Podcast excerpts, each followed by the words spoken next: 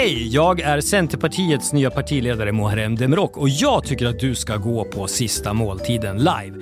20 maj i Göteborg på Lisebergsteatern, den 6 juni i Stockholm på Intiman och inte minst den 17 juni i Malmö på Slakthuset. Biljetter finns att köpa på sistamaltiden.se. Nu ska jag gå och kasta pinnar med min hund Allan.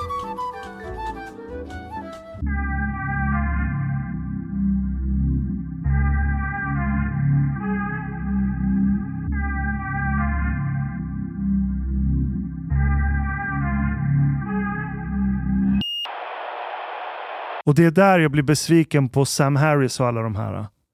De är fast i Max Tegmarks idé om att universum är matematiskt. Och, och, och jag får kognitiv dissonans. Jag, jag mår dåligt. Jag har funderat på att ringa vården ibland. en, eh, Börja spela in då. eh, ja, en, eh, en snubbe sitter i Stockholm och ser hål i Sam Harris But argument. why do you think? But why do you think, basically, the, the majority of experts in the field are missing what you're saying? Vad exakt är det diskussionen handlar om? Om man kan beräkna allt eller inte? Di diskussionen handlar om allt i universum är matematiskt. Att du kan förutspå, förstå allting i universum med matematiska modeller. Ja. Och ehm, förutspå ett framtida state. Vad heter det på svenska? Jaha, se framtiden. Ja. Och det går helt enkelt inte. But, but we, we right now we we kind of try to reach estimates for oh, future events all the time. Mm. Populations, Eh, demographics, things like Mm. this. Hur bra But for går example, de? demographics, for Mm. example, Mm, demographics. Mm. It's actually when it comes to age structure, it's pretty foreseeable. Nej, det är inte. För, för, förutsägelsen är att eh, år 2050 kommer 75% eller någonting, 90%, jag kommer inte ihåg siffran, av alla människor bo i storstäder. Den, den, pre- den prediktionen är redan död. Du kan inte räkna på demographics. Du kan göra det för en väldigt kort period, structure, you can. Man kan säga men, så men reglerna för det ändras med tiden. Man Så- kan översätta detta till politisk ideologi. Socialisten tror att det går att förutse allt och räkna på allting. Libertarianen inser att det är kaosartat och det är en omöjlighet att känna till alla faktorer som du måste känna till för att kunna spå framtiden. Men även om du kan alla faktorerna så kan du inte förutspå framtiden. För det, det- är för- svårare fråga. Nej, det går inte för att då förutsätter du att dina ekvationer alltid gäller överallt. Kolla, lagen, lagen för gravitation, den har inte alltid funnits. Om tror ba- man uppfann gravitation, för annars skulle vi ju flugit iväg. ja, men om du backar bandet, gravitationsekvationerna funkar inte precis innan Big Bang, right? Nej, det är sant. Så naturens så kallade lagar, de ändras hela tiden. Nej, Jag var ju inte där när Big Bang hände, så jag kan ju inte... Var du inte? Big Bang kan inte försvara sig. Nej, Big Bang kan inte försvara sig. Men det du sa nu Ashkan är lite intressant för det de här eh, flygvapenpiloterna i USA vittnar om i samband med att Pentagon släppte de här filmerna på de här konstiga. Yes. De, eh, de här ufon eller vad vi ska kalla dem, de bryter ju uppenbarligen mot naturlagarna. Jag har, en Eftersom- teori, jag har en teori. Berätta, Jag har en teori om vad de där är för någonting. berätta. Och det är något flygvapen någonstans i världen som håller på med det där. Och det, och det bygger på spjutspetsfysik. Och det är att tredimensionell rymd, djup, bredd, allt det här. Ja. Det är bara en produkt, ett lager som har uppstått av att massa andra saker har hänt innan. Så ta evolutionär biologi och så applicerar du det på kosmos istället. Exakt samma tänk. Where does Adam and Eve fit in this picture? De kommer snart. Är ni med på det? Så du, du kan inte... Nej, inte helt. Du har inte riktigt förklarat så att det låter Jag försöker, förklara ett, ja, men jag försöker förklara ett koncept som heter emergens. Alltså att, tänk så här, kosmos består av någon sorts väv av partiklar, vågor eller något annat fundamentalt. Och de här partiklarna, eller vad vi ska kalla dem, de interagerar konstant med varandra. Och då och då så uppstår det strukturer som presenterar nya egenskaper för att det har evolverats fram. Och som överlever och sprider sig och tar över. Exakt som biologi funkar, fast med fundamentalväven av kosmos. Och från början finns inte 3D-rymd som du och jag känner till det. Utan det är bara den här väven som bara brrr, interagerar. Så plötsligt uppstår det strukturer som leder till en sak som i sin tur leder till en annan. Och plötsligt har du en nivå av komplexitet som har skapats som av ett mänskligt medvetande upplevs som 3D-rymd. Det är det som eh, Nobelpriset i fysik nu gick till, eller det har med det att göra. Men om rymd egentligen inte finns i den fundamentala väven av universum, då är inte gravitation längre ett problem. Och har du plötsligt teknologi och access för att kunna peta och manipulera och ändra på saker på den här fundamentala kosmiska vävens nivå, då kan du kringgå gravitation. Och då får du såna här farkoster som har fångats på film. Men om det är Kina till exempel som har gjort det, varför har inte de använt det till att ta över världen? För det betyder att de är 100 000 före, år före alla Just, andra länder. just, inte hundratusen år. Det, det, är jättem- miljon. det är jättemånga fysiker som har varit inne på den här banan Mm. Väldigt, väldigt länge. Är det inte det du menar att man böjer rumtiden? Nej, det är Einstein och han har också fel i så fall. Om, och om den här... Du går ut hårt här Ashton. Einstein har fel, jag har rätt. Nej, men Du liksom, kan snart få jobba på Aftonbladets ledarredaktion. nej, men, nej, men fattar ni? Du, om du har access till det här lagret av komplexitet som vårt lager, som vi upplever det som, Mm. bygger på. Det håller jag med om. Då kan du kringgå det. För, för gravitation är bara ett problem om du är fast i tredimensionell rymd. Men är du- det kvantmekanik du syftar Ja, på? det, nu är vi inne på kvantmekanik. kva- nej, kvantmekaniken kan inte ta hänsyn till gravitation, så vi kan säga att den också är Where are we fel. going? Oj, Kvantmekaniken. också fel. Kolla, det är, det är en bra modell för att beskriva saker. Vad Alltså, heter grejerna du har rökt? Är det bra grejer? Har du pratat med Svenska Akademin om det här? Är de informerade? Om? man ska läsa Lee Smolin. Vä- Välrenommerad fysiker som har lagt mycket av grunden till det här. Det är ett skitstort fält som håller på och vänder upp och ner på fysik som vi känner till det. Om du googlar på sånt här på YouTube kommer det inte komma rekommendationer på 5G-chip och vaccin och sådana grejer. Det är det jag försöker Flat säga. Earth. Men, men du sa Det här är spjutspetsfysik. när du började it. prata så att antingen är det det som du Ja. precis pratade om, Ja. de här ufona som Ryan Graves med flera av Mm. de här piloterna har vittnat om. Vad är det andra alternativet då? Om det inte är det du sa nyss, vad är det då? Det andra alternativet, det är i så fall att någon jävlas med deras detektionssystem. Det tror du? Ja, men jag kan inte komma på någon annan vettig förklaring. Men är det helt otänkbart att tänka sig att, det, att vi har besök från andra världar och att de observerar oss via sina drönare? Det är eller- inte helt otänkbart, nej. Nej. nej. Ja, rent statistiskt borde det finnas liv någonstans. Ja. Eller det är inte en helt galen grundantagande att göra. Och då finns det ju nästa relevanta fråga. Är Elon Musk en rymdödla? Asken, du kan säga nej och så går Det är bara att säga nej. Ja, nej. nej. Du But, but I mean, it, it makes sense also that if any uh, country or, or any agency would develop this kind of like jets or advanced weaponry or anything of the sort, that they would try to keep it under wraps really. Ja, men det why är would just, they announce it to the world? precis, och det är därför jag inte tror att det är Kina. För att jag tror inte kineserna hade haft sofistikationen att kunna hålla det här hemligt och inte ta över Nej, Det världen. finns en grundläggande fråga. Om det är kineserna, då måste det finnas utomjordingar. För, och vilka har de annars kopierat tekniken? Yes, jag köper den poängen också. De enda, ja, det skulle kunna vara, vi- vilka, tyskar eller ryssar, de kan uppfinna saker med egen verkshöjd. Ryssar. Ryssar har uppfunnit mycket saker av egen, eh, alltså eh, gjort egna uppfinningar och, och Men de tekniker. stal ju den från nazisterna. En del. Precis som USA gjorde. Ja, Werner von Braun. Eh, ja du pratar raketer. Jag vet våra Ja, ja, ja.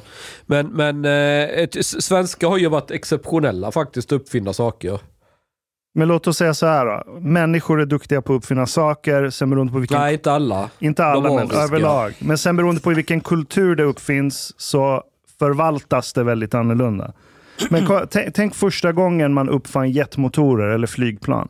Förlåt mig, judar har också uppfunnit mycket. Ja, det har de. I, eh, för, förutom banker och så menar du?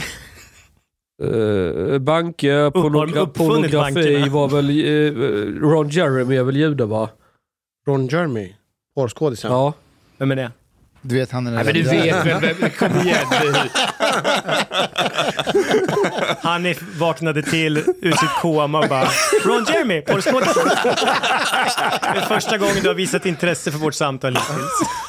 Men jag läste faktiskt dina ufot eh, Det jag skrev om bidrag. UFO. Ja, ja, ja. Mm. Och jag är helt blown away av det där. Jag lovar dig att du är en sån som vet vad antikvitera mekanismen är. Vad hette det? Antikytera-mekanismen. Anti... Antikytera, de hittade en jättekonstig mekanisk mekanism i havet utanför Grekland för, om det är 30 eller 40 år sedan, som var, de daterade den till långt, långt tillbaka i tiden, men den var väldigt avancerad. Den var för avancerad för att komma från den tiden de säger att den kommer ifrån. Och Jaha. de tror att den här antikytera-mekanismen användes som ett väldigt avancerat navigationsinstrument på eh, kanske etruskisk tid eller till och med längre tillbaka feniser eller någonting.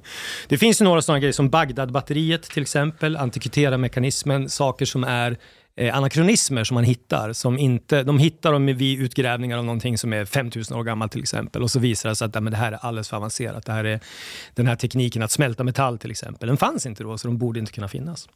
Men du känner inte till det, Ashkan? Vi- Antikytera-mekanismen? Jo, den har jag läst om. Ja, du borde ja. ha gjort det eftersom Ja. du precis som jag är inne på sådana kaninhål. på Ja, men jag ser inte kopplingen mellan den och ufos. So wait, wait. What's ja, men your theory? ja, att vi kan ha fått tek- den teknologin kan ha getts till oss för flera tusen år sedan. Jaha, nej, nej, nej, nej, nej. Det, tycker jag, det är ett jättestort hopp. Var, varför, varför ska det behöva vara så? Varför ska vi ha fått jettekniken Varför skulle det inte kunna vara så? För att det... Ja men då skulle det ju finnas typ massa idéer om, eh, om eh, något slags övermänskligt väsen som har gett instruktioner till oss. Jag har någon, någonsin läst något sånt i en bok att, eh, att eh, det Erik finns något Däniken. större än oss själva. Von Däniken. Va? Von Däniken. Hela hans författarskap Ja, handlar jag, jag syftade ju på Bibeln och Koranen nu. Ja, den, ja, ja. Nej, men va, varför måste det vara en sån tydlig förklaring? Eh, Blir det inte så här Matrix-fällan? Att titta, det måste finnas en förklaring till allting. Någonting större än Men oss. om du, om du hittar ett objekt i havet som är tillverkat med precision och verkar ha en ganska stor verkshöjd. Någon har ju tillverkat den. Den har inte bara liksom verkt fram av sig självt i naturen. Nej, det har den inte. Nej. Och då ställer ju den en massa frågor. Jaha, om den där, vad hette den, antikutera... Antikytera-mekanismen. Eh, och och vad, var det, vad var det för material den var gjord i? Metall. Metall. Med, med kugghjul och massa grejer som de, de, Okej, de tror att- att det har med navigation För att tillverka kugghjul så... Det beror på precisionen. Man kan ju titta med vilka toleranser är den tillverkad. Då kan du ju liksom dra slutsats om man använt en fräs för att tillverka. Är det gjutna kugghjul man har filat för hand? Hur har man tillverkat de här? Du kan titta på materialet. Är det väldigt homogent material? Hur har man ly- lyckats smälta fram den här legeringen? Och så vidare. Så du kan ju dra massa slutsatser genom att titta på ett objekt som är tillverkat i något material. Ja, och jag är inte helt främmande för att tidigare civilisationer kanske hade bättre teknik än vad vi ger dem cred för. Men att det har funnits jetmotorer för 50 000 år sedan och att vi har nu fått det via, jag vet inte. Men det, säger, det är ingen som säger det här va? Hoppas jag. Eller? Ja, men vad menade du då när du sa att jetmotorer måste ha givits oss? Av, Nej, jag sa inte någonting om jetmotorer. Okej, okej. Aha, då missförstod jag. Ja, det var du som sa Ah, det. What is your theory? Om det här? Ja. Jag bara tror att mycket av eh, vår tideräkning, av, av hur vi har daterat saker tillbaka, till exempel pyramiderna i Egypten, är lite fel. Och det går ju en serie på Netflix om det där. Jag köper inte den rakt av. Vad heter han? Ancient, eh, Ancient Civilization. ja, Graham Hancock. Ja, men det finns väldigt mycket intressant i den serien. Och det är ingen ny, han är inte den första som har sagt det. Så här står det bara kort. Antikkytera-mekanismen är en antik analog dator med ett mekaniskt urverk för att räkna ut astronomiska positioner daterat till omkring 100 år före Kristus. Hittades i havet utanför den grekiska ön Antikytera 1901 fick man upp den. Jag tror att man hittat två av den här till och med. Och Bagdad-batteriet är också jätteintressant, för det är ett batteri som, som är ännu äldre, eh, där någon har gjort ett, ett, ett primitivt batteri som är flera tusen år gammalt. Det är jätteintressant. Vi vet vad man använder Bagdad-batteriet till. Nej, det vet de inte. Men De, Kopplar de in Bagdad-Bob? ska vi göra en snygg segway? Mm. Ni, Det är det någon, som ångrade sig. lilla den som många säger. Ja, jag tänkte, ska vi börja med den eller ska vi prata om, om lite om Elon Musk som du var inne på? Elon Musk är alltid rolig. Okej. ehm, vet ni vem Matt Taibbi är? Ja, Journalisten Matt Taibbi. honom. Ja. Jag hittade en fantastisk intervju som är från december förra året från Toronto. Det är någonting som heter The Monk Debates som är sån här någon ideell organisation som arrangerar debatter. Och då är det en debatt mellan Matt Taibbi och Douglas Murray på ena sidan och så är det Malcolm Gladwell och en kvinna som har glömt vad hon heter nu som jobbar på New York Times. Of course, you, you forgot the name of the woman. Ja, som alltid. Men jag kan ta fram det sen. Ehm, jag hade aldrig sett henne förut. Malcolm Gladwell har jag sett. Och, och temat är, kan man lita på mainstream media? Och den debatten är superintressant. Det här är innan Matt Taibbi får The Twitter Files. Han har kommit ut med en bok som heter Hate Incorporated. Så det är väl därför han är med.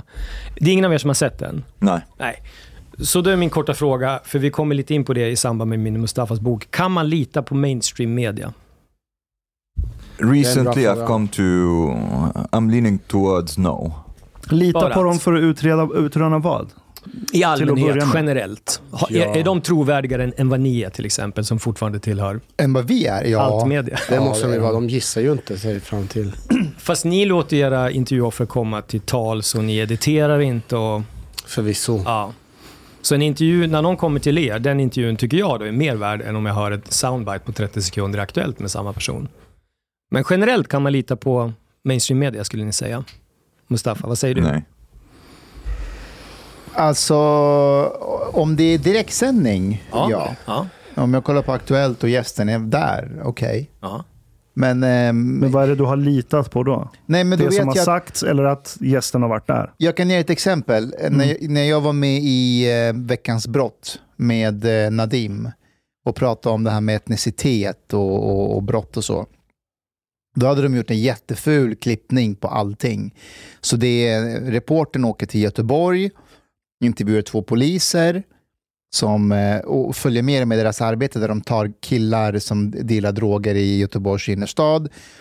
Och så frågar hon så här, ja men ehm, hur går det till i arbetet? Och sen från ingenstans så säger hon, så det här har ingenting med etnicitet att göra. De har inte pratat någonting om etnicitet innan. Och de här två nervösa poliserna, de bara, eh, eh, eh nej, nej, det har, med, det har med droger att göra. Och så var det slut på reportaget och de i studion sa, ja men du ser polisen i Göteborg säger att eh, etnicitet har ingenting att göra med eh, de här eh, rånen eller sådär. Yeah. Hade det varit i direktsändning så hade man ju kunnat bara, vänta Right. lite här. Ehm, Right. Vi har inte ens pratat om det. Det finns ingen röd tråd om etnicitet. But th- then, then the short answer to this is that you don't really trust them. Jag, jag, har, jag, har, jag har rätt svar på Jens Garnmans fråga. Man kan lita på allt som står i mainstream media om det, om det står i DN. Mm, såklart. Annars, annars kan man, står det i alternativ media så är det inte sant. Nej. Men står det, står det i DN då vet man att det är sant. Det intressanta med den här debatten mellan eh, Douglas Murray och eh, Malcolm Gladwell och de andra, det var att när de mätte publiken innan de gick in och satte sig, det var runt 2000 personer som kollade på det här live. Och då var det så att 48% de litade på mainstream media och publiken innan de hade hört debatten och 52 gjorde inte det. Men efter debatten, och då hade det svängt, så då var det 67% som inte litade på mainstream media. Bara för att Douglas Murray hade varit så himla bra. Och ni kan ju tänka er vad reaktionerna från vänstern blev då. Ja, men han är, hög, han är höger liksom, så att ni kan inte lyssna på honom. Men han är briljant i den här debatten. Och eh, den här Malcolm Gladwell, som är, han är en prisbelönt, han har väl vunnit Pulitzerpriset och han har legat etta på, på New York Times bestsellerlista fem, sex gånger. Men många av hans böcker som han har vunnit priserna för använder jävligt slaskig forskning. Ja, det, det, det kommer de in på. De Ja. kommer faktiskt in på det. Och han Ja. säger så här att ja, så, så som det är nu när vi har internet, då har jag behövt börja med fact-checkers. Jag, det hade inte jag på mina böcker förut, för att då var, existerade de. De kom ut och var det fel i dem så kunde inte vanliga människor, liksom, det fanns inget forum att peka Nej. ut. Att, Fan, du har ju massa fel i Japp. din bok. Så han säger det öppet att sen, sen några böcker tillbaka, då måste han inom citattecken ha fact-checkers. Men eh, Jens, om jag säger så här då. Ja, man kan lita men man måste också veta vad det finns för bakgrund och agens till eh, mainstream media. Alltså man tänker sig att det här, det finns vissa typer av eh, tankegods som man försöker påtvinga folk eller att de har en bias som alla andra. Om man har det med sig, varför inte? Varför skulle man inte kunna lita? Nej, jag sa inte att man inte kan göra det. Jag bara frågar er vad ni tänkte apropå debatten. Är det så? I think I think maybe like there's another more worrying part that is more subtle.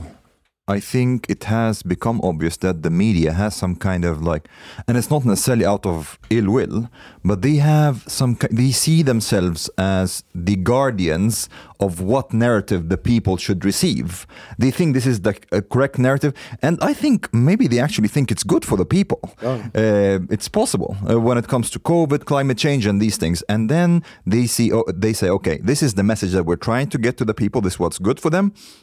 So we will try to exclude any voices that descend from this main narrative that we're trying to to let the people know. Same thing. With, it happened with COVID, for example. It's very, very apparent. It, it's happening with climate change all the time, Yep. uh, and so on. So in this sense, I I've become very distrustful of the mainstream media. Och det säger that. också Matt Taibbi då, som har jobbat 15 år som reporter på, på Rolling Stone Magazine. Eh, och det här är som sagt innan han får, Elon Musk ger honom tillgång till de här Twitter-files och han blir kontroversiell för vänstern plötsligt tycker att han går högerns ärende när han avslöjar hur det har ljugits om olika saker och Twitter har censurerat saker. Men det här är innan det. Det här är december 2022. Och eh, det är så intressant för att eh, den här härskartekniken som Malcolm Gladwell använder mot Matt Taibbi, det de uttalar hans namn fel hela tiden trots att han påpekar jag heter Taibbi, inget annat. Det är så mycket i den här debatten som är det är sådana billiga knep från de här två mainstream-journalisterna och när Matt Taibbi säger att det här Russian collusion-narrativet som vi alla höll på med i två år. Det fanns ingenting i det att Trump hade fått hjälp från Ryssland att påverka valet. Ni vet att det är en lögn och så tittar han på de här två och man ser på dem att de bara, mm, det var lögn, vi hade liksom ingenting på det här. Och, och sådana grejer, när, när man förstår att de ett fisksim som, stimmar, eh, som simmar åt samma håll när det gäller vissa frågor, det, det är obehagligt. Därför att det styr hela samhällsutvecklingen. Det är några få redaktioner i världen. New York Times, Washington Post, CNN, Fox också. Och det de bestämmer att så här ska folk tycka, det sprider sig över hela jorden. Vet Det är helt sjukt. Lena Andersson sa två ord som har fastnat i min skalle efter att hon var här. Hon sa att det finns sanningsväktare och så finns det sanningssökare. Mm. Och det är en sån jävla snygg definition Mm. Verkligen. På vad medier, eller vem som helst överhuvudtaget gör som publicerar text. Att man måste börja med frågan, är jag sanningsväktare eller sanningssökare? Men tror inte du att de på DN till exempel, alla anser sig vara sanningsväck eller sanningssökare? Jo, jag tror de anser sig vara det. Ja. De skulle aldrig gå med på att någon enda av dem är en så kallad sanningsväktare. Absolut inte. Nej. Och det är det som är problemet. De är inte själva medvetna om att de begår ett väktarskap. Är de inte det eller ljuger de för sig själva Fast också? ibland så gör de det. Ta till exempel om vi tar, jag, vill, jag hatar mig själv för att ta upp det, men det som hände med Chang, det vill säga att de påstår hela tiden om hans rysskopplingar. Ja. De är medvetna om att det inte finns någonting. De har inget konkret att komma med, men ändå så slänger de sig med det. det gjorde, DN gjorde det när det gäller rysk rysskopplingar för länge sedan mellan dig och Bali. Det Eh, är första gången det stod i en etablerad tidning att jag var en del i en rysk påverkansoperation. När? det var Ja, nu, nu, vad det var som hände, alltså vid vilket tillfälle det första gången kom upp. Det var när jag hade eh, avslöjat att DN hade mörkat de här sexövergreppen i Kungsträdgården. Då var det Isabelle Hadley Kamps som skrev, jag tror det var i DN också, att jag under, det här är en attack mot alla media. Att, att, att jag, jag skriver detta för att underminera förtroendet för media. Det här var 2000, i början av 2016. Och att vi vet att det är så Ryssland agerar för att undergräva demokratin. Så det, det, första gången det fanns ett liksom bevis, inom citattecken, på att jag var del i en rysk påverkansoperation. Det var när jag drog upp det här med de här unga ensamkommande som hade... Ja. Så vi- agerar bara en väktare. Vad sa du? Så agerar bara en Ja, ja väktare. det, och det, det intressanta det är att allt jag gör som på något sätt irriterar den här gruppen människor, DN-folket eller vad jag ska kalla dem. Allt det här kan på ett eller annat sätt förklaras med att jag springer Putins ärenden. But but you know, I'm willing to give them a, the benefit of the doubt. I think actually many of them really believe that you have some kind of connection to Russia. I think I think maybe they are. De vill att det ska vara så. Ja, Ja, I det think, vill- ja. because, because I, I think there is a third category, sanningsväktare, sanningssökare, but I think they wouldn't identify necessarily with either. I think they think that they are sanningsvetare. They think that they know what the, the truth is, and Men- they are men- trying to, to tell the people, we know. Men om vi säger så här, alla, Sanningsprofeter. Ja. alla människor i Sverige på ett eller annat plan kan du ju alltid med, det beror ju bara på hur, hur, hur, hur, långsökta resonemang du vill använda. Alla kan kopplas till Ryssland om man bara anstränger sig tillräckligt mycket. Alltså, hur definierar du en koppling till, till, eller till Danmark eller Norge eller vad fan som helst? Har inte du föreläst för ryska studenter också? Jo, det har jag. Jo men alltså du kan, alla kan, alltså jag kan kopplas till Elon Musk.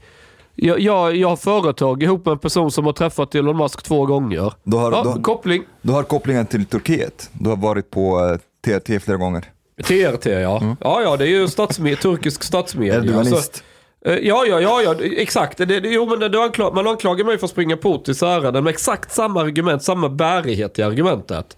Skulle du kunna säga att jag är Erdogans fotsoldat för jag har legitimerat eh, turkisk statsmedia TRT i och med att jag varit med där?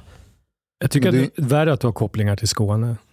Ja, Det det skrev jag också i min artikel i Expressen om du läste den. Ja, ja. Att det är illa nog att jag är skåning. Men det de utsatte dig för, det är ju precis samma grej i miniatyr som, som det här som Matt Taibbi tog upp, att det vi i mainstream media höll på med i flera år med den här Russian collusion story. ja. Det var ju precis det de gjorde mot dig. Och kommer ni ihåg Van Jones på CNN? Vet ni vem Van Den Jones är? svarta snubben. Svart snubbe som har glasögon, ofta väldigt bra. Han är en av de bättre på CNN. Han var faktiskt en av de som direkt efter att Trump hade vunnit åkte ut och började träffa vita familjer i rostbältet och intervjua dem. Så här, varför röstar ni på Trump? Men även han är lite, han är ju en propagandist han också, precis som Tucker Carlson och alla de här. Men Van Jones blev filmad i smyg av Veritas, eh, projekt, projekt, Veritas. Och då säger ju han, för då frågar den här snubben då, som han inte vet är en undercover-journalist, vad tror du om den här Russian collusion-storyn? Och då säger Van Jones, no, it's a big nothing burger. Huh, eller sånt. Ja. Och det klippet Ja, ja, är den- mycket den talande. Det är, ett, det är ett klipp som man skulle säga, varför får vi inte se sånt på Aktuellt? Varför tar de aldrig upp sådana grejer? För där erkänner ju ett av CNNs tyngsta namn, han erkänner att det finns ingenting i den storyn. Och ändå fortsätter de i flera, flera år Men, efter men Jens, det. det, det, det, är samma sak med Tucker Carlson just nu när han visar bilder från Kapitolium. Där hänger allting på att det hände ingenting i Kapitolium. Just där. Ja, just där. Han cherrypickar ju han också. Exakt. Han gör samma sak. Exakt. Han, han, han går emot hela mainstream media nu och säger så här. "Mm, Det är nothing burger i Kapitolium. Kolla på bilderna, de går omkring med poliserna, de visar dem runt, ingenting hände. Och så har du massa andra bilder där det var fucking kaos. För att vara djävulens advokat, vilket jag tycker är roligt att vara. Tacke Karlsson, jag kollade på hans inslag. Han tar upp att det var folk som gjorde våldsamma saker, bröt sig in genom ett fönster. Han säger alltid en minoritet. En minoritet gjorde det, det är inte Därför bra. att hade en majoritet gjort det så hade hela fucking den här byggnaden varit i småspillror om alla gav sig på den. Nej, Jean, ja det var en Låt mig minoritet. ställa en fråga till dig. Låt oss säga att de som gick in i Kapitolium var Black Lives Matter. Har ingen betydelse. Tror du att Tucker Carlson hade gjort en massa Ja, videos? det skiter jag. Jag, jag tittar på påståendet, Okej. om det är sant eller inte. det, han, det han har en poäng i, det är att den här shamanen, Ja, det var, ju det det, var ju det, det var ju det det handlade om i sak här. Ja. den rättegången bör man ifrågasätta. Vad var det han gjorde egentligen? Det är Ja. mycket där som är nu konstigt. Liksom, like han, very symbolic. He's like he was dressed like a ram and they sacrificed him. han blir symbolen. han blir symbolen för allting. Ja. Men, men du har ju rätt Mustafa, att Mustafa, eller Mustafa, Tucker Carlson, han är ju lika skamlös i att vinkla saker. Och man undrar så här, gör han det för att ge igen och hämnas på hur till exempel CNN har vinklat då, eh, det här första versionen av vad som hände? Eller tror han på det där själv? Han Eller vill det. han att det ska vara så? Han ger igen.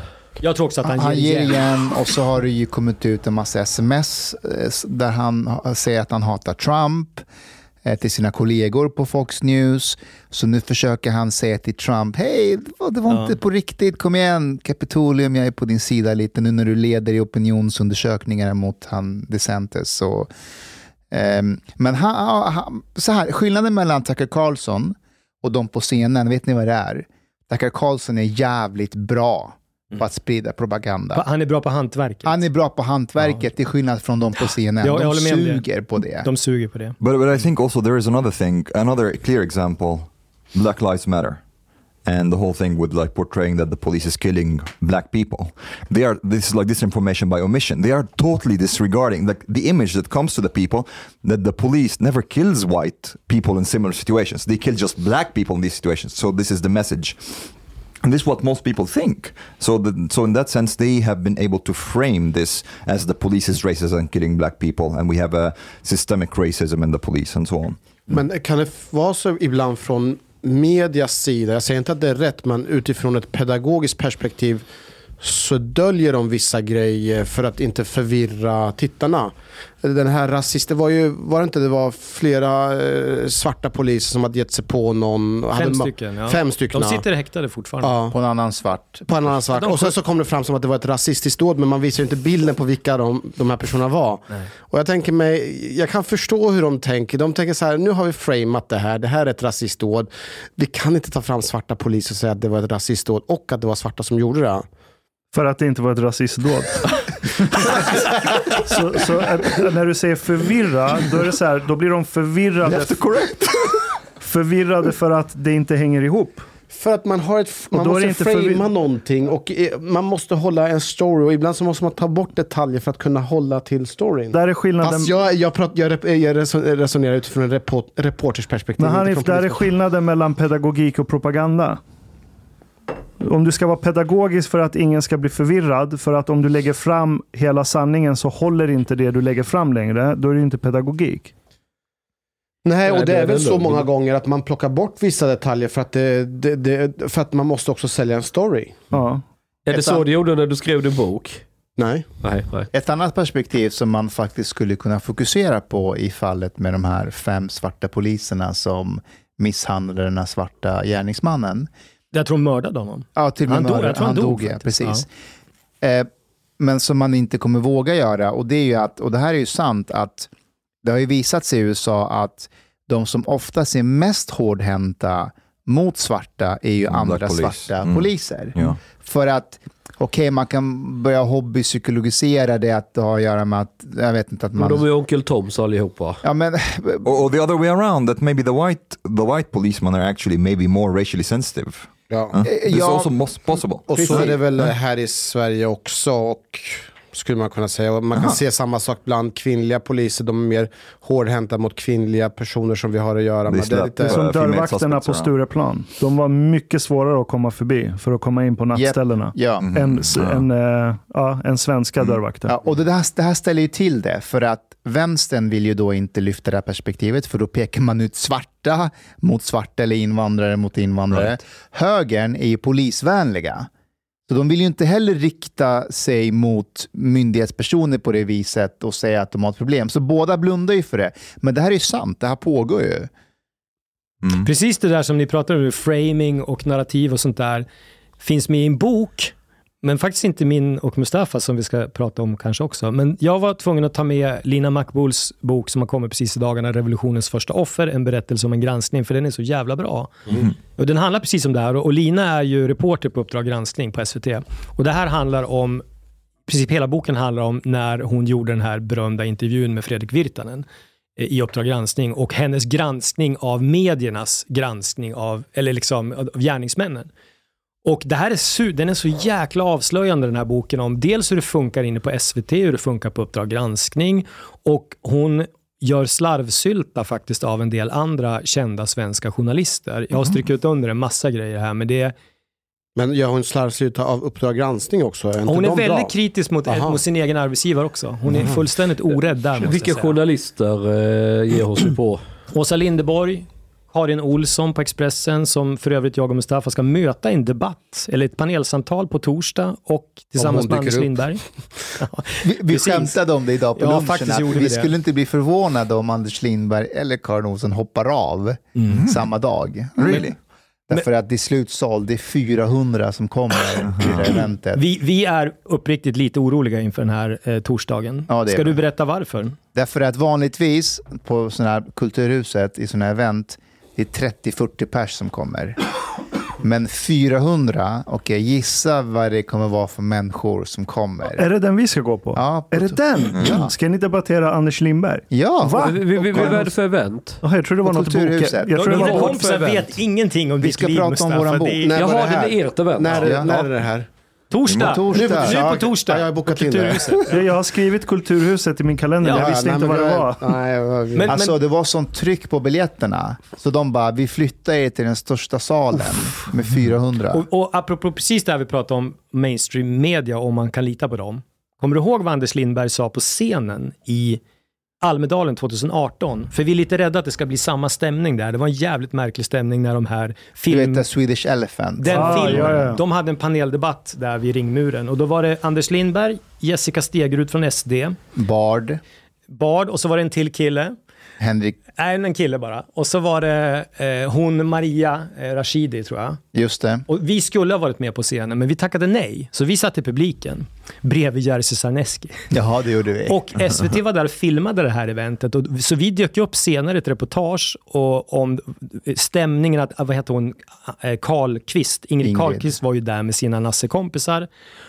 Och när SVT gjorde reportage om det där och de sa ordet nazist, då klippte de in där jag och Mustafa satt. Jag var inte hur man med, jag var framar.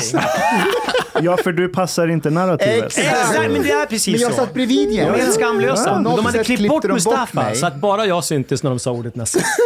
Men i alla fall, på scenen där, då var ju Anders Lindberg med. Och de skulle Jens prata såg jätteglad ut på bilden. De och nazisterna och satt Jens med ett fett brett leende. Hur fan sa de på redaktionen? De bara, fan vi har ett killerklipp här. de, Det är så har- de säger. Det Men vi precis måste, så de vi säger. måste klippa bort den här bruna pojken. Ja! Det är så, de är så ohederliga intellektuellt. I alla fall så var Anders Lindberg med på scenen den gången.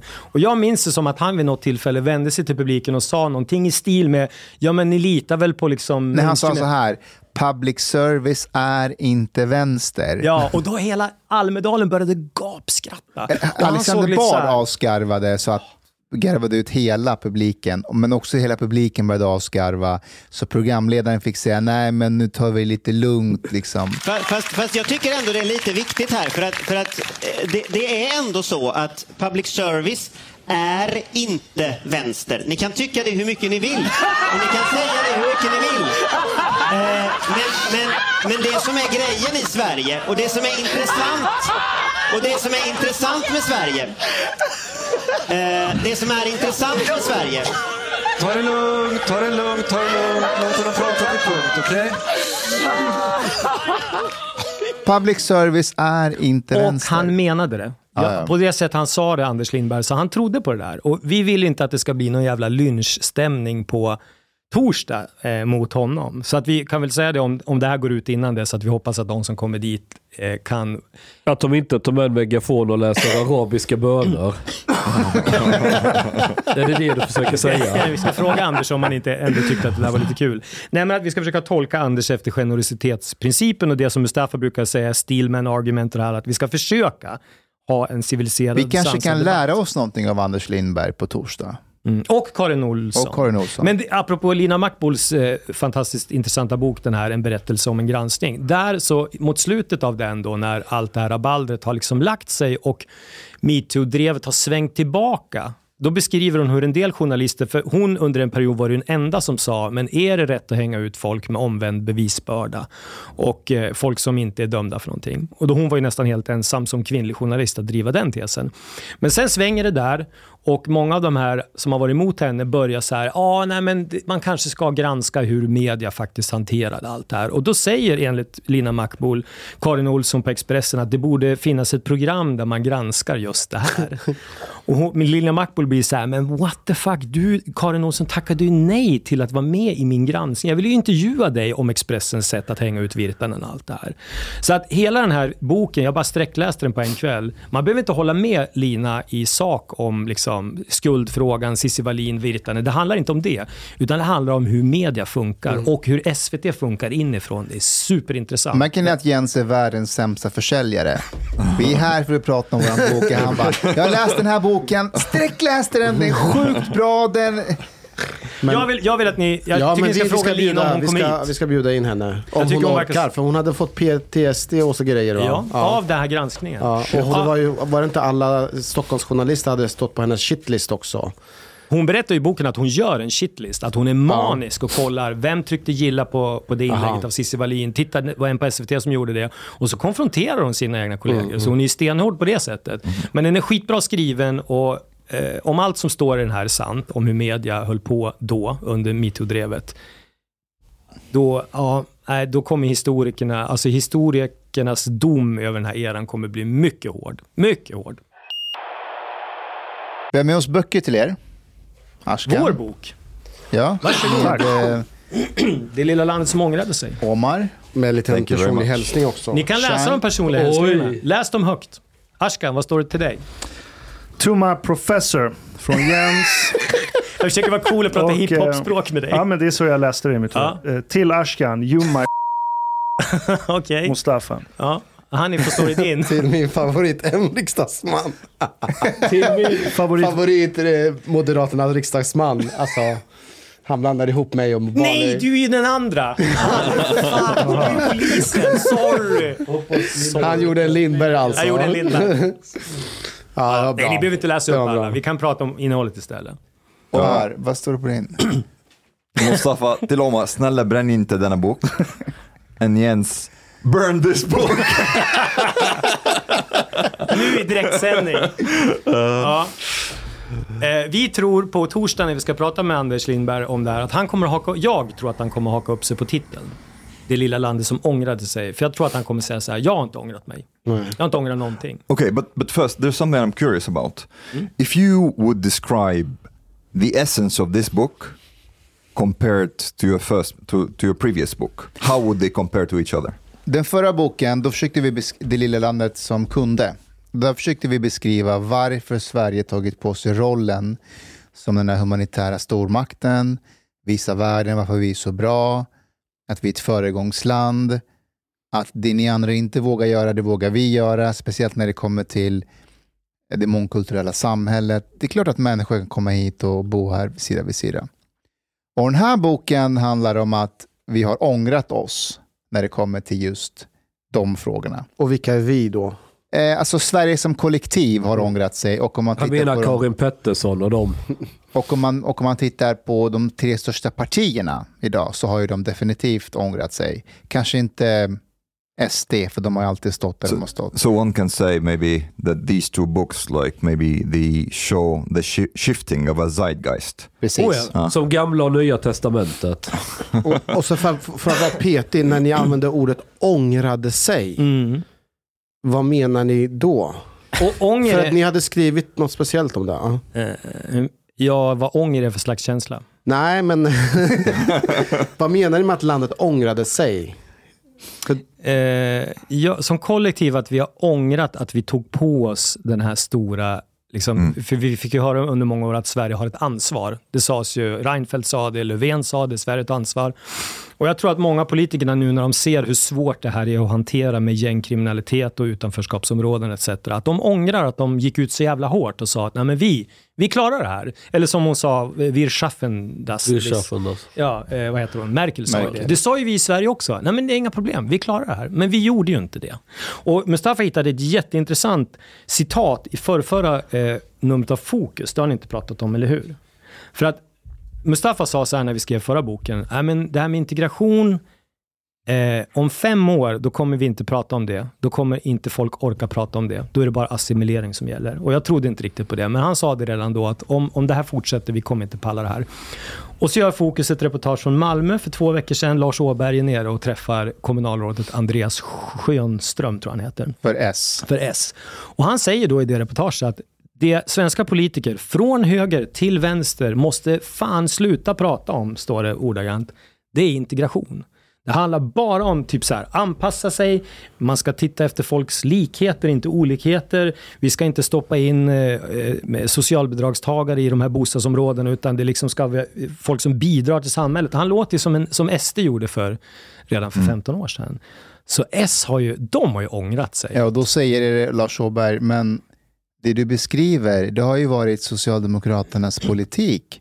Och då säger han, men nu är det inte Socialdemokraternas politik. Alltså att förut vara så här att ta hand om människor. Han bara vänder på en femöring. Så här, War is peace. Ja, vi tyckte så förut, men det gör vi inte Och längre. det är här vi menar med att vi har ångrat oss som kollektiv.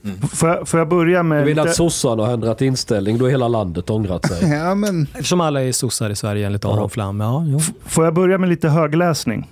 Ja. Som jag tycker sätter tonen för boken. Okej, eh, sätt er ner och relax. Vi går in i danslogen där det gambianska bandet spelar polyrytmisk folkmusik på 21-strängad kora kompad av några kaukasiska kvinnliga stråkmusiker. En vit kvinna i 40-årsåldern dansar inlevelsefullt. Mycket inlevelsefullt. Mitt i publiken framför scenen. Hon rör sig med den liderliga, ormande besjälning bara en oförlöst svensk medelklass-kättja kan frambringa. De knubbiga nakna fötterna tar spjärn mot trägolvet och trycker brånaden upp genom hennes joni. Joni. Johan är hennes sköte. Hon blundar och ler, dansar så att man som utomstående får sköljningar av sekundärskam. Det är som att bevittna ett avancerat samlag mitt bland barnfamiljerna och vi hoppas att det gambianska bandet får åka denna berg och dalbanan senare under natten. Vart var ni och varför åkte ni dit? För det här är ju första kapitlet. Så, var, var, var är detta någonstans? Och jag har aldrig hört Urkult. talas om det här stället. Va? Urkult. Ashkan, i- du skulle älska den Ja. festivalen. Skulle Det är väl älska. någonstans där Navid Modiri brukar vara? Navid skulle älska Ja. det, den festivalen. Det här är Ur- Urkult Urkult. i, i Sollefteå. Ne- eh, Nämforsen kallas det. Nämforsen. Ja. Och eh, alltså, tänk, er, eh, tänk er en plats där alla människor som tror på mångfald, inkludering, ehm, Mångkultur. mångkultur. Alltså he, he, hela den här texten kunde ju komprimerats till ett ord, batikhäxa. Men, Ja, fast inte Okej, men- bara. men man försöker alltid undvika detta ord och då får du en hel sida att brodera ut för att liksom måla upp den bilden som jag redan hade efter. Fast än så länge har hon bara dansat. Hon har inte tryckt på sig sina värderingar på någon annan. Och vi ger henne faktiskt, vi går fram till henne sen, för vi blev lite imponerade av att hon vågade visa den här Joni. Inlevelsen. Ja. Ja. Så vi gick ju fram till henne och gav henne beröm, ärligt menat sen, att ja, men vad coolt att du vågade släppa loss. Kommer du ihåg vad hon sa? Nej. Hon sa i mitt förra liv, då var jag svart. Grejen är att Är inte det Urkultfestivalen? Jag vet inte. Mustafa hade ju aldrig varit på Urkultfestivalen förut. Eh, Jag har varit där för kanske tio år sedan och spelat. Och eh, faktum är att de var i lite blåsväder för ungefär tio år sedan. För att det var en tjej som skrev ett blogginlägg om att, att Urkultsfestivalen var för vit. Och är det något ställe i Sverige som skulle kunna komma undan hela den debatten och få ett pass, liksom, ett, ett frikort, då är det Urkult. För de gör verkligen allt de kan för att bjuda in musiker från hela världen, alla olika eh, former du kan tänka dig eh, av folkmusik från hela världen. Och publiken är väldigt blandad.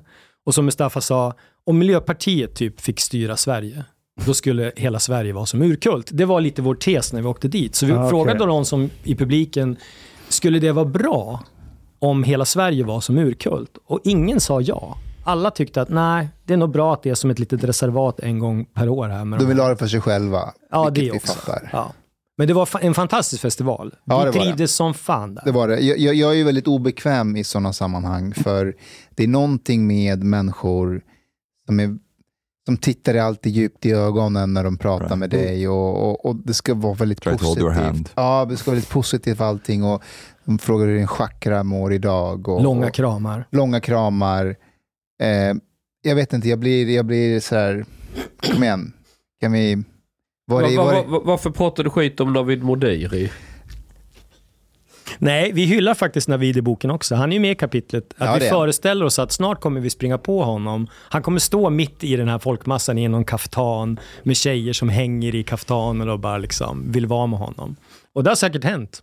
Men Navid har ju en förmåga att smälta i varje sammanhang oavsett vad det är för sammanhang. Han skulle kunna, Han är en kameleont. han, han skulle kunna trivas som fisken där i vattnet. Men jag So, tror många, you- många på Urkult spelar nog teater. Hälften gör säkert det. Du, du vet inte hur rätt du har, för att faktum är att det kom ju fram folk till oss som hade såna här utsvängda bellbottoms-byxor och liksom batikkläder och så.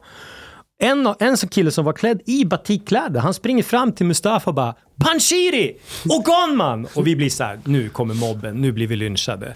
Men då visar det sig att han bara, jag har läst allting ni har skrivit, jag lyssnar på sista måltiden. Jag, jag, jag håller inte med om allting, men, men alltså mycket av det ni säger, jag kan ta till mig det. Och då blev vi så här, "Ah, fan, And then he's like, can I touch your yoni? men det var så fascinerande att, han, att flera av de här kom fram och sa liksom att nej men visst, vi håller med om en del av det ni säger. Vi blev helt chockade av det. Och en grej som var intressant, Mustafa gick fram till några unga tjejer som stod och hade ett sånt här eh, stånd där de delade ut broschyrer, kommer du ihåg det? Om eh, familjeplanering, var det inte det? Att de var i Afrika och delade ut... Just det. eh, Ja, och då vände Mustafa på frågeställningen väldigt snyggt.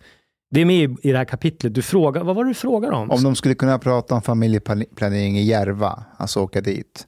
ja. Och Och då du sa de att de, Att de hade gjort det. ja, De påstod att de hade gjort det. ja Men, jag tror inte det. Men, Jag tror men, inte det. Mm, och så gick han också på, han var en riktig bully här, han gick på några unga tjejer från Extinction Rebellion. Kommer du ihåg det då? mm. Fick du deras nummer? Ja, men de delade också, och så frågade Mustafa så här, hur, hur tog ni er hit till Urkult? Jag åkte bil.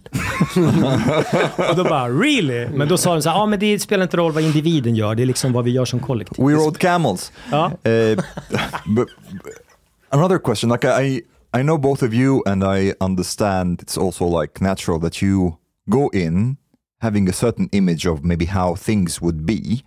Uh, what were some things that kind of like either surprised you or things that maybe you like were against your expectations? På Urkult eller på No, no, andra ställen? speaking, like, uh, gud, det var mycket. Finland var ju väldigt intressant. Där fick vi verkligen tänka efter. Berätta om det här kapitlet. Finlandskapitlet. Ja, vad gjorde ni ens i Finland Vi, vi överhuvudtaget? träffade deras polis Ja. och de, det var väldigt intressant för att för, första halvan av den intervjun, då säger polisen saker till oss som jag tror att de tror att vi vill höra om, Mm. hur de jobbar mot kriminella gäng och sådär. Men vi såg på den här ena polisen att han trodde inte på det han sa. Nej. Så vi hade en polischef och en HR-kvinna. Ja. Som vi var ute HR och åkte med. HR-kvinnan var, som ni kan tänka En HR-kvinna. En HR-kvinna. Lite vänster. Medan polischefen, eller eh, kanske inte chef, han var ju ute och träffade människor. Han var ute i verkligheten, han kände på pulsen, han visste vilka alla i området var. Och vad presenterar ni er som? De Två jour- journalister, journalister, som har ja. skrivit Från Sverige. Från Sverige som, Okej. But, but why did you choose specifically Finland? Därför att Finland ligger just nu några år efter Sverige i, utve- i utvecklingen. De har Har de precis börjat Och mentalt. Nej, men de har precis börjat få gängbildningar. De har nu tio gäng i Finland just nu. Va? Tio gäng. Ja, De har hundra individer ungefär som polisen håller koll på, som de ser som risk. Eh, ett riskbeteende. Och bara för några år sedan, det här har kommit enligt polisen där de sista 18 månaderna. Så de är där vi var för 25 år sedan. Och det tyckte vi var så jävla intressant att höra. Hur tänker ni ja, jobba? de har börjat få förnedringsrån.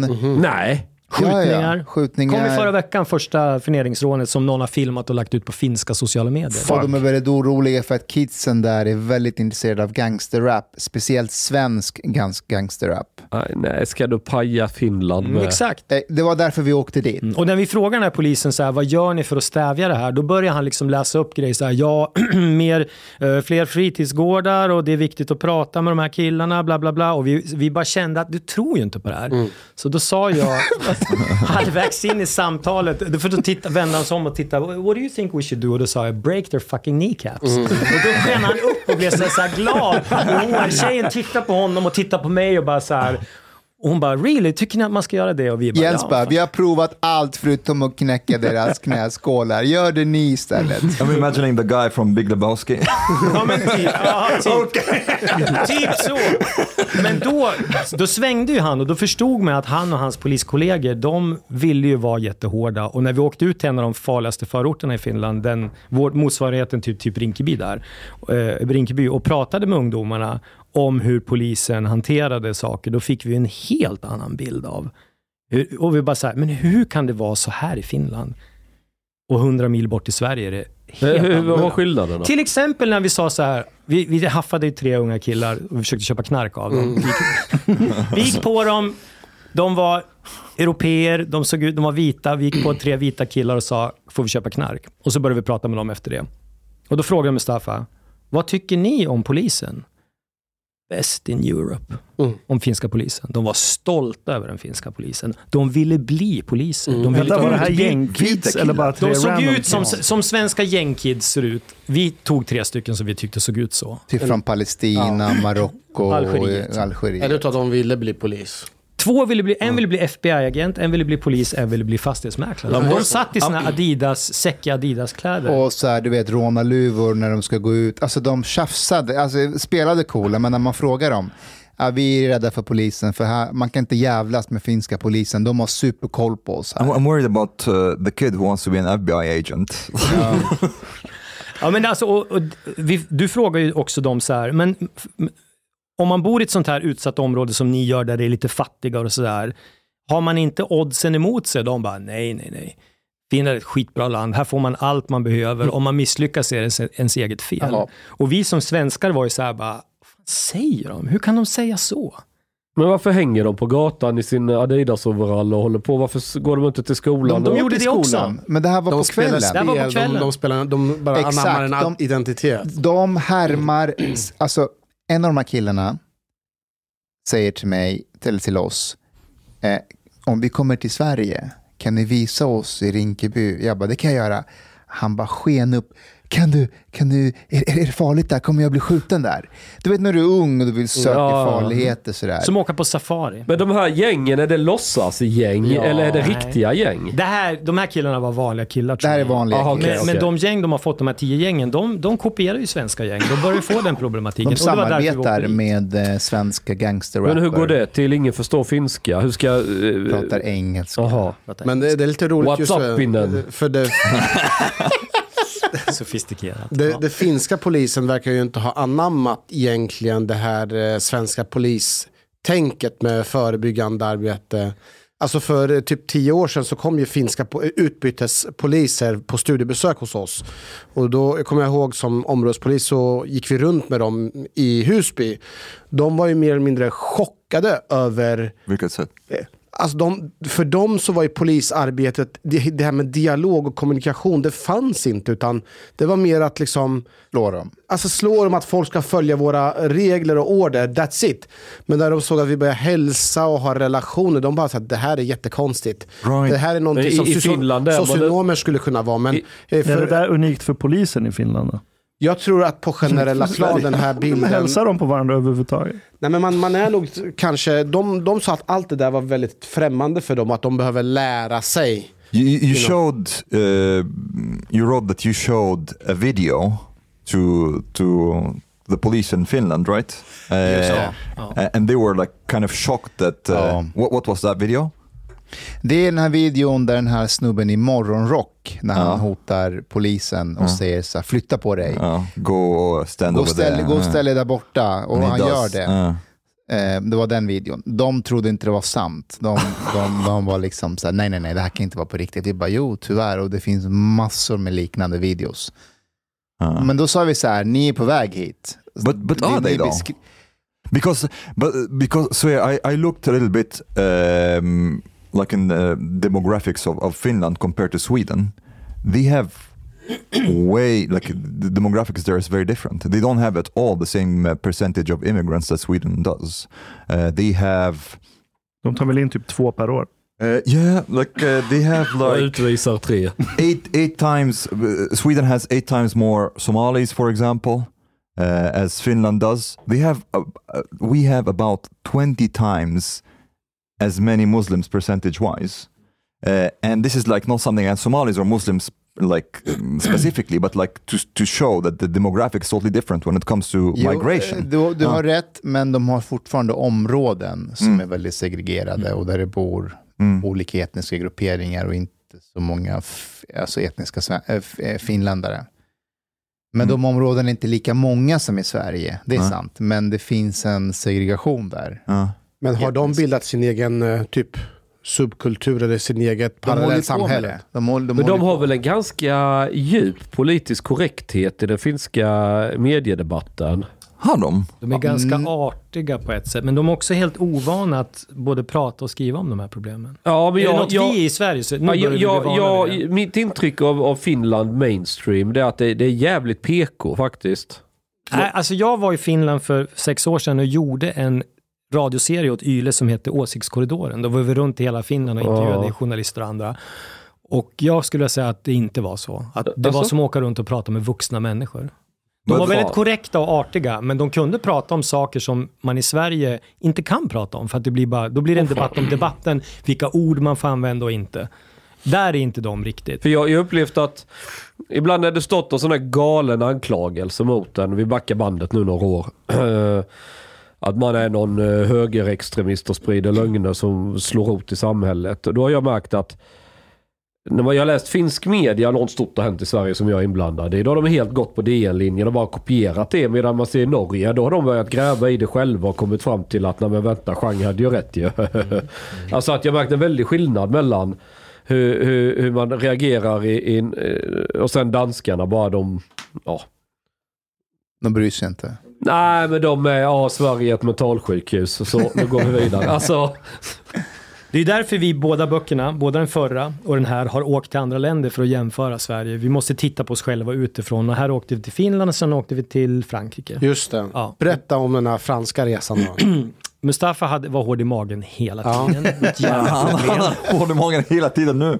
Det var ett väldigt gnäll över det där. Men jag hade lite hopp om honom att han var lite hardcore outlaw vid ett tillfälle, för då var vi på en jättetrevlig restaurang i Marseille första kvällen. Eh, som var lite så här bohemisk, eh, personalen var väldigt... Eh, ja, Och klädd- varför åkte ni just till Marseille? Därför att Jersey Sarneski har sagt att de inte haft några skjutningar där. det Alltså, visade det är sig att de han sa det på Folk och Försvar i Sälen i princip samma vecka som vi var där. Faktum är att de hade 33 skjutningar i Marseille förra Eh, året. mord. Mord, ja, ihjäl, gängmord, skjutningar.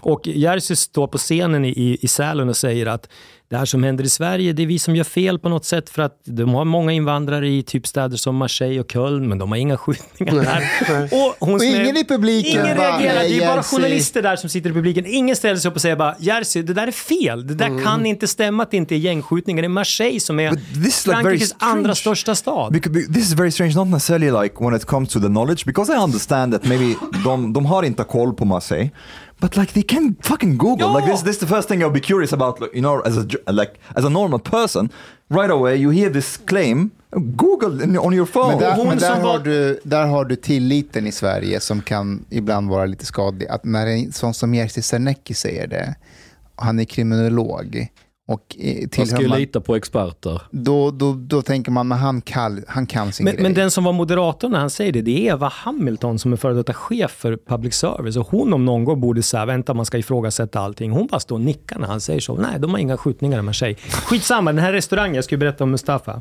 Då kommer vi in där och sätter oss och Mustafa blir väldigt upplivad, beställer in lite vin, det är jävligt härlig stämning. Och så när jag tittar bort och tar fram en liten påse ur väskan. Och så strör han ett pulver på maten. Och jag bara så här, I knew it. Han är, han är, han är knarkare, jag vet hela tiden. Så Vem, säger- vem är knarkare? Mustafa. Jaha, Mustafa ja. ja men det är all, alla från Afghanistan Ja håller men på typ. med. Ja. Aha. Och så säger jag, vad är det där för någonting? Opium. "Nej, Jag blir, jag blir hård i magen, det är fibrer, men de smakar ingenting. så han håller på med sina fiberpåsar hela tiden. Men jag har också grejer som jag gör som är jobbiga när vi är ute och reser. Ja, berätta Eh, mer om eh, resan till Marseille. Och ni åkte väl till den här förortsdelen också? i 14 Marseille? där ja. om Disemende. Det var superobehagligt. Men Ja. vi var så jävla naiva också. Vi fattar ju inte, framförallt inte jag fattar ju hur mycket vi stack ut när vi gick runt i de här områdena. Mustafa hade ju sina snut, sin snutradar påkopplad så han såg ju saker som inte jag såg. Ja, det. Men, men vi är så naiva. Till exempel när vi då åker ut där i ett sånt här område som Okej. Du har lyssnat så här långt. På sista måltid. En mycket fin radioprogram i Sverige. Du tycker det är mycket trevligt. Men, min vän, lyssna på mig nu. Du har inte betalat biljett på klubb sista måltid. De har dom grabbarna de behöver pengar. Flis. Lax. Stolar. Dirabilar. Lyxhotel. Du vet. Då måste du betala om du ska lyssna mer. Du får många fler avsnitt också. Paket erbjudande, helt enkelt.